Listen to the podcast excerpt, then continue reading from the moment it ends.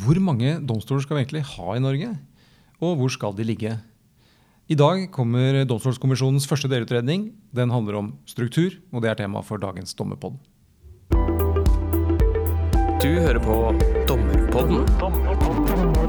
Du hører på Dommerpodden. Velkommen til eh, Dommerpodden.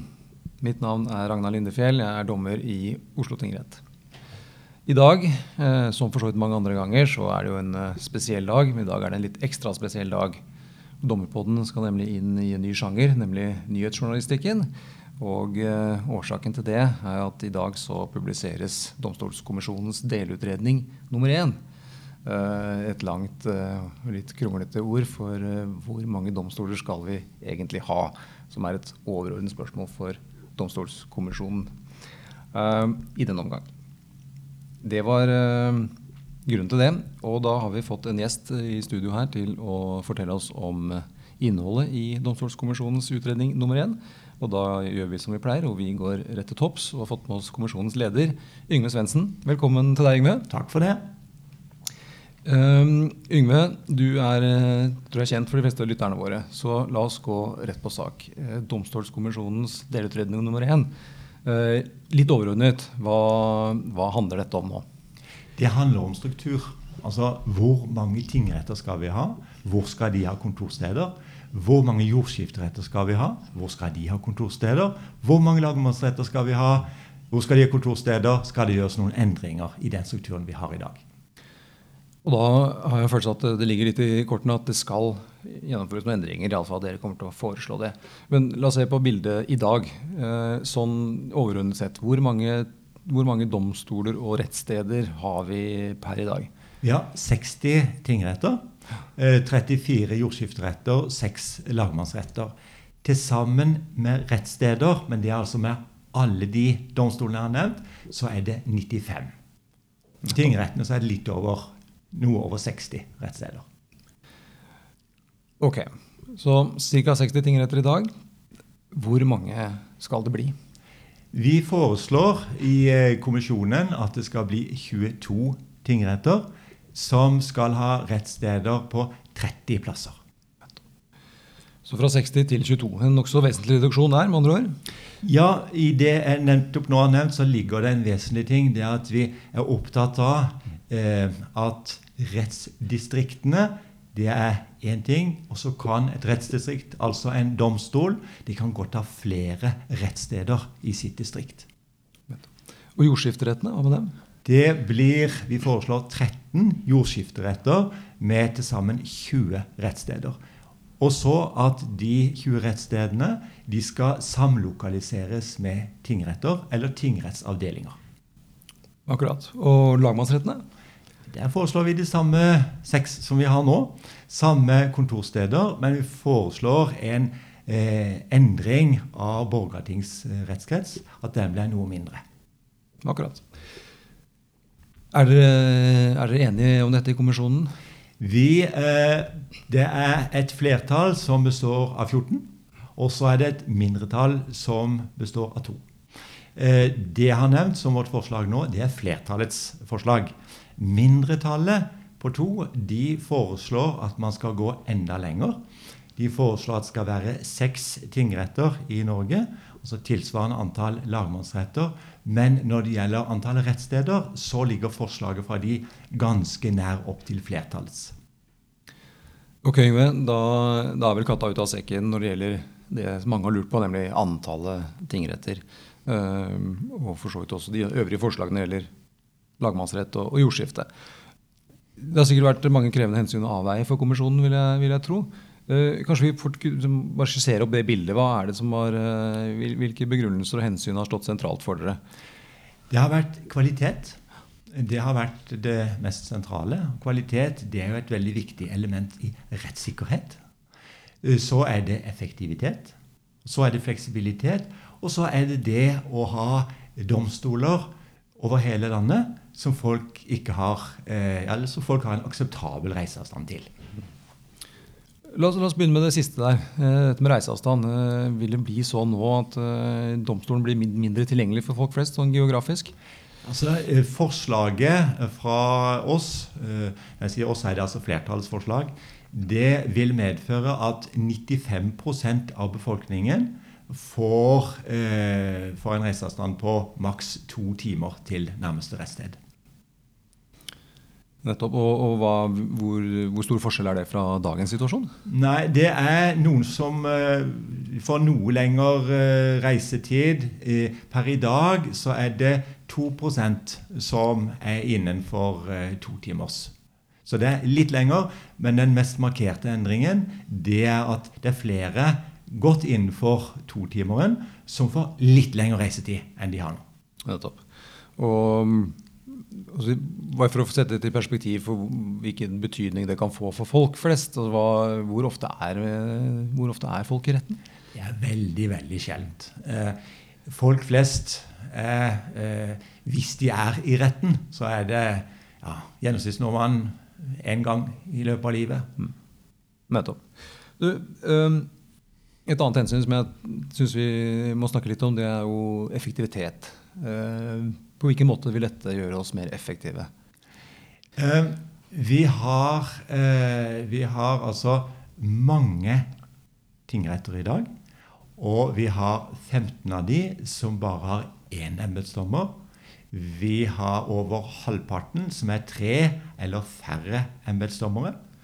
Og et viktig problem det er at eh, arbeidsmengden er ganske ujevnt fordelt utover landet. Vi har jo foretatt en del beregninger. Vi innhenta tall, foretatt undersøkelser. Fordi at vi er opptatt av at dette skal være en faktabasert rapport og ikke inntrykksbasert.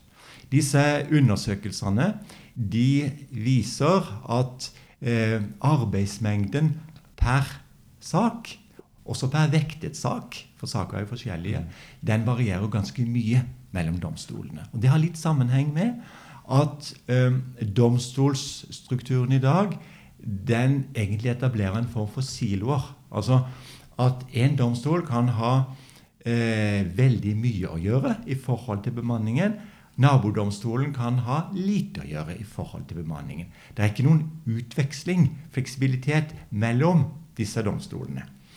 Eh, og dette problemet her, det vil eh, øke i årene som kommer pga. endringer av befolkningen, aldring i distrikter osv. Da bruker vi Statistisk sentralbyrås beregninger. Sånn at eh, et viktig formål det er å utjevne disse forskjellene, lage større rettsdistrikter, slik at det blir en jevnere arbeidsbyrde, så du unngår denne siloeffekten. Og eh, da kan du utnytte ressursene mer effektivt. Eh, og du kan også eh, lage systemer for eh, moderat spesialisering osv.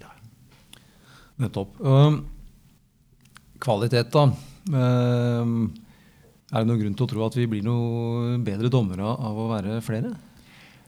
Et eh, veldig viktig hensyn for oss har vært det at eh, samfunnet har forandra seg. Og sakene i dag er i vid utstrekning annerledes enn de var for en del år siden.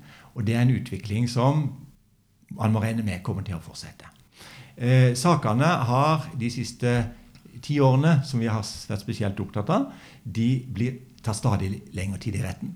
Det blir flere sakkyndige, det blir flere tolker, flere vitner. Eh, det har nok sammenheng med at det er flere rettsregler. Det har sammenheng med internasjonaliseringa, f.eks.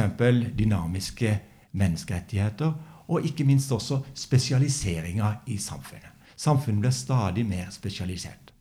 Og da er det viktig at eh, domstolene kan møte dette. Altså Hvordan kan vi som allmenndomstoler fungere godt i et stadig mer spesialisert samfunn? Da må vi øke kompetansen for å følge med. Eh, vi må få til eh, å få sterkere fagmiljøer. Eh, Dommerrekrutteringa i Norge er jo basert på at du rekrutterer ganske bredt. Så i et godt fagmiljø så kan du ha folk med meget forskjellig bakgrunn som kan utfylle hverandre. og eh, som kan bygge opp eh, kompetansen, skape dynamiske, levende kompetansemiljøer. Det er viktig. Det er en eh, veldig viktig del av det å møte de utfordringene som eh, domstolene nå står overfor. Det er også viktig å huske på at domstolene eh, Det er ikke noe selvfølge lenger at eh, de sakene som, der vi ikke har monopol, at de skal behandles av oss. Det er mange alternative måter å løse tvister på.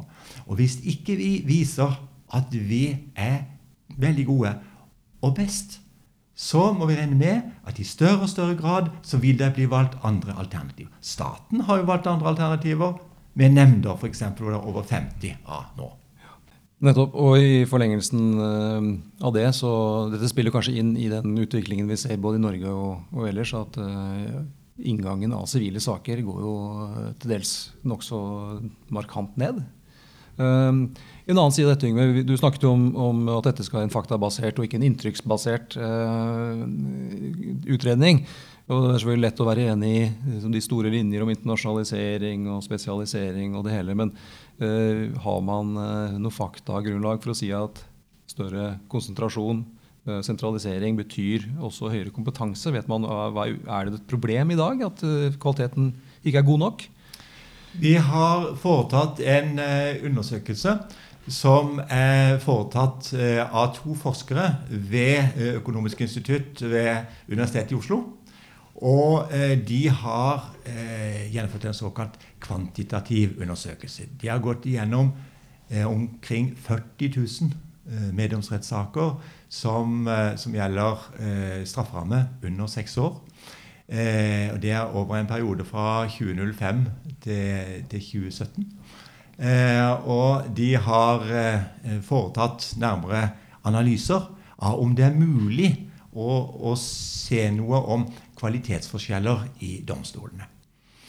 Uh, og uh, de har uh, lagt til grunn da at for at en dommer skal være med i undersøkelsen, så må vedkommende ha hatt minst 50 saker i, i, den perioden. Og konklusjonene der det er at det er kvalitetsforskjeller i, i norske domstoler så eh, legger de også til grunn at dommere i større tingretter eh, observeres og dømmer likere i sammenlignbare saker enn dommere i mindre tingretter. Vi eh, syns disse funnene er viktige og interessante.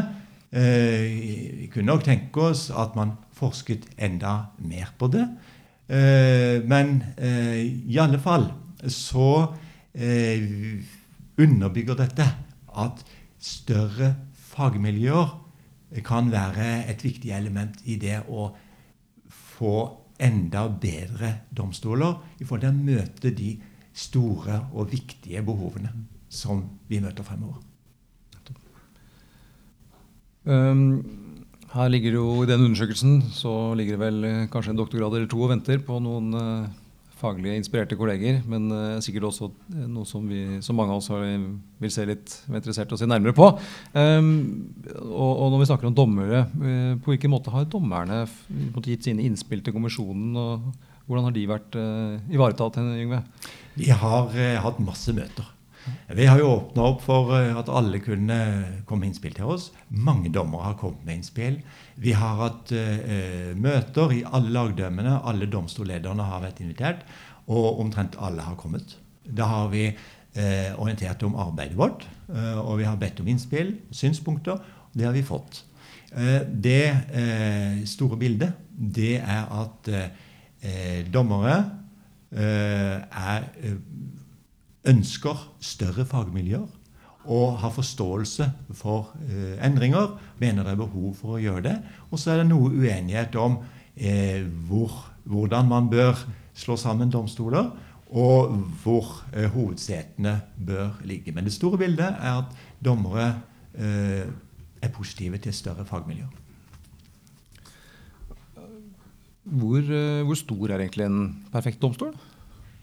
Nei, det, det, er vanskelig å si. Vi har jo sett på ulike momenter. Vi skulle jo ønske at vi hadde funnet ut det.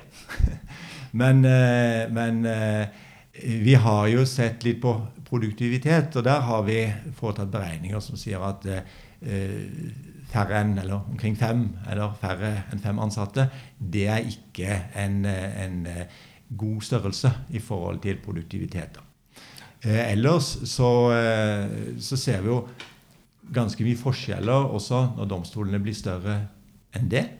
Eh, men det er jo mange hensyn, så noe sånn spesiell størrelse er vanskelig å sette opp. Eh, Særdomstolsutvalget satte opp at eh, for å ha nødvendig spesialkompetanse innenfor barnefag, så burde domstolen være på sånn i utgangspunktet ca. ti dømmende. Eh, så det har vært utgangspunktet der. Men noe sånn generell idealstørrelse setter vi ikke opp. Men vi legger til grunn at en, med et utgangspunkt noe à la særdomstolsutvalgets det eh, virker ganske fornuftig som en, en eh, grei størrelse. Men at det er spesiell idealstørrelse, det går vi ikke inn på. Topp. Uh, denne, disse strukturendringene får konsekvenser for, uh, for mange. Uh, for brukere, for advokater, for lokalsamfunn. Men for våre lyttere også. så er det klart at Vi har jo en, en gruppe som heter dommerfullmekter. De vil jo også bli berørt av dette, vil jeg tenke meg. på mange måter. kan du si litt om det? Vi har jo I forhold til dette spørsmålet så har vi sett på hvor mye brukes dommerfullmektigene. Uh, og vi ser jo at i uh, en del av de små domstolene så brukes dommerfullmektiger veldig mye. I foreldretvistsakene så brukes dommerfullmektiger i noen domstoler opptil 60% av sakene. Og i barnevernssakene, altså overprøving av fylkesnemndsvedtak, opptil 50 av sakene. Og Det er til tross for at retningslinjene som foreligger, sier at dommerfullmektige ikke skal ha den typen saker. Men grunnen til at det er sånn, det, det er ikke fordi at eh, eh disse eh, mindre domstolene da at de eh, ønsker å, å, gjøre brudd på retningslinjene, men det er nok en refleks av selve strukturen. Det er rett og slett veldig vanskelig å gjøre det på en annen måte, med sammensetninger. Med kanskje bare én sorenskriver og én eller to domfullmektiger. Eh, men ellers domfullmektigordningen som sådan, det går vi nærmere inn på i delutredning 2, som kommer i august til neste år. Ja. Nettopp. Men eh, det er jo grunn til å tro at hvis dette blir implementert, så får det jo konsekvenser. Den, eh, de gode, gamle dager som jeg husker, hvor eh, man var konstituert store deler av tiden, eh, som var gode og gamle kanskje for eh, dommerfullmektigen selv, men eh, i et litt større perspektiv så er det vel kanskje grunn til å diskutere det litt nærmere, muligens. I forhold til det du nevner der, så kan jeg jo si at Vi har også sett på i hvor stor grad blir dommerfullmektiger konstituert. Og ved noen eh, mindre domstoler så har de vært konstituert i opptil 30% av domstolens åpningstid i løpet av et år. Og det eh, syns vi eh, er uheldig. Eh, at eh, som regel unge eh, jurister uten så lang erfaring skal ha så ansvarsfulle stillinger. Ja. Um, hva vil du si har vært de mest krevende diskusjonene dere har hatt eller de mest krevende temaene dere har diskutert i, i kommisjonen? Oh, vi har hatt mange krevende temaer og mange gode diskusjoner. Det må jeg understreke. Eh, men eh, vi har når det gjelder struktur, så har vi jo hatt flere runder. Etter at vi har diskutert en del prinsipper, så har vi hatt flere runder rundt norgeskartet.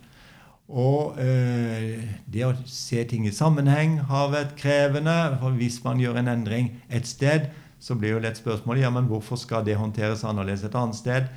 Eh, men eh, det å trekke frem noe sånn spesielt som har vært spesielt krevende, det tror jeg ikke det har vært krevende mye. Nei. Um, ok, og Hvor viktig har det vært for dere å se hen til uh, våre naboland her? Altså, hva gjør man i, i Sverige, Finland, Danmark uh, på dette området? Vi har jo også sett hen til våre naboland. For vi erkjenner jo at uh, det er ikke alltid nødvendigvis slik at det er, det er, det vi som tenker klokest fra, fra, første stund.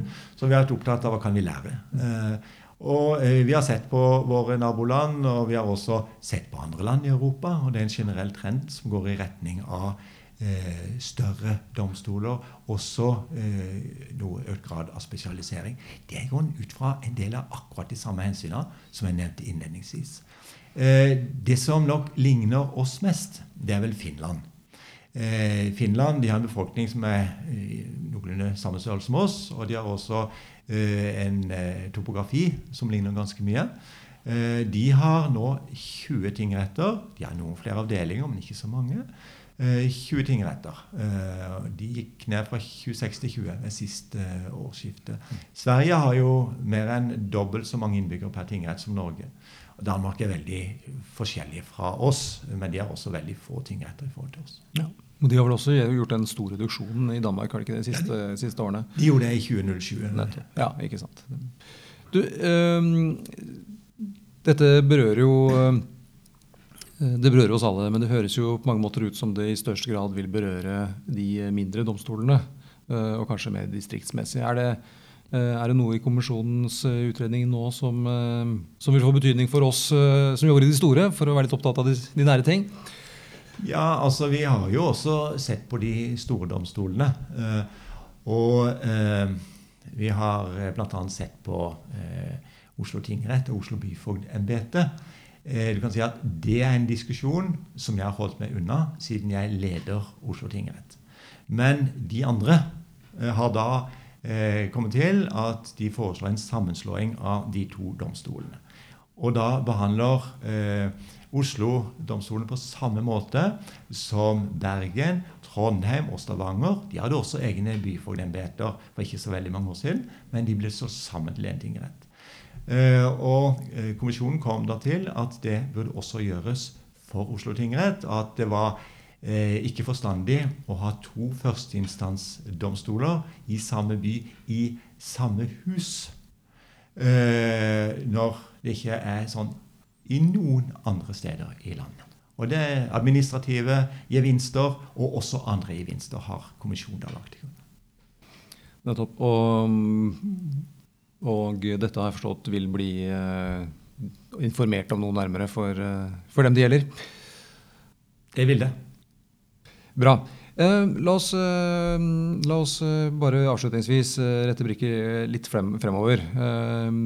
Mot neste, neste, delutredning. Og når kommer den, og hva vil den inneholde? Den kommer 11.8 til neste år. Mm. Den omhandler det jeg mener er veldig store spørsmål, prinsipielle spørsmål. Så det går på domstolenes uavhengighet, konstitusjonelle spørsmål. Eh, domstolenes forhold til regjering, til storting, til domstoladministrasjonen.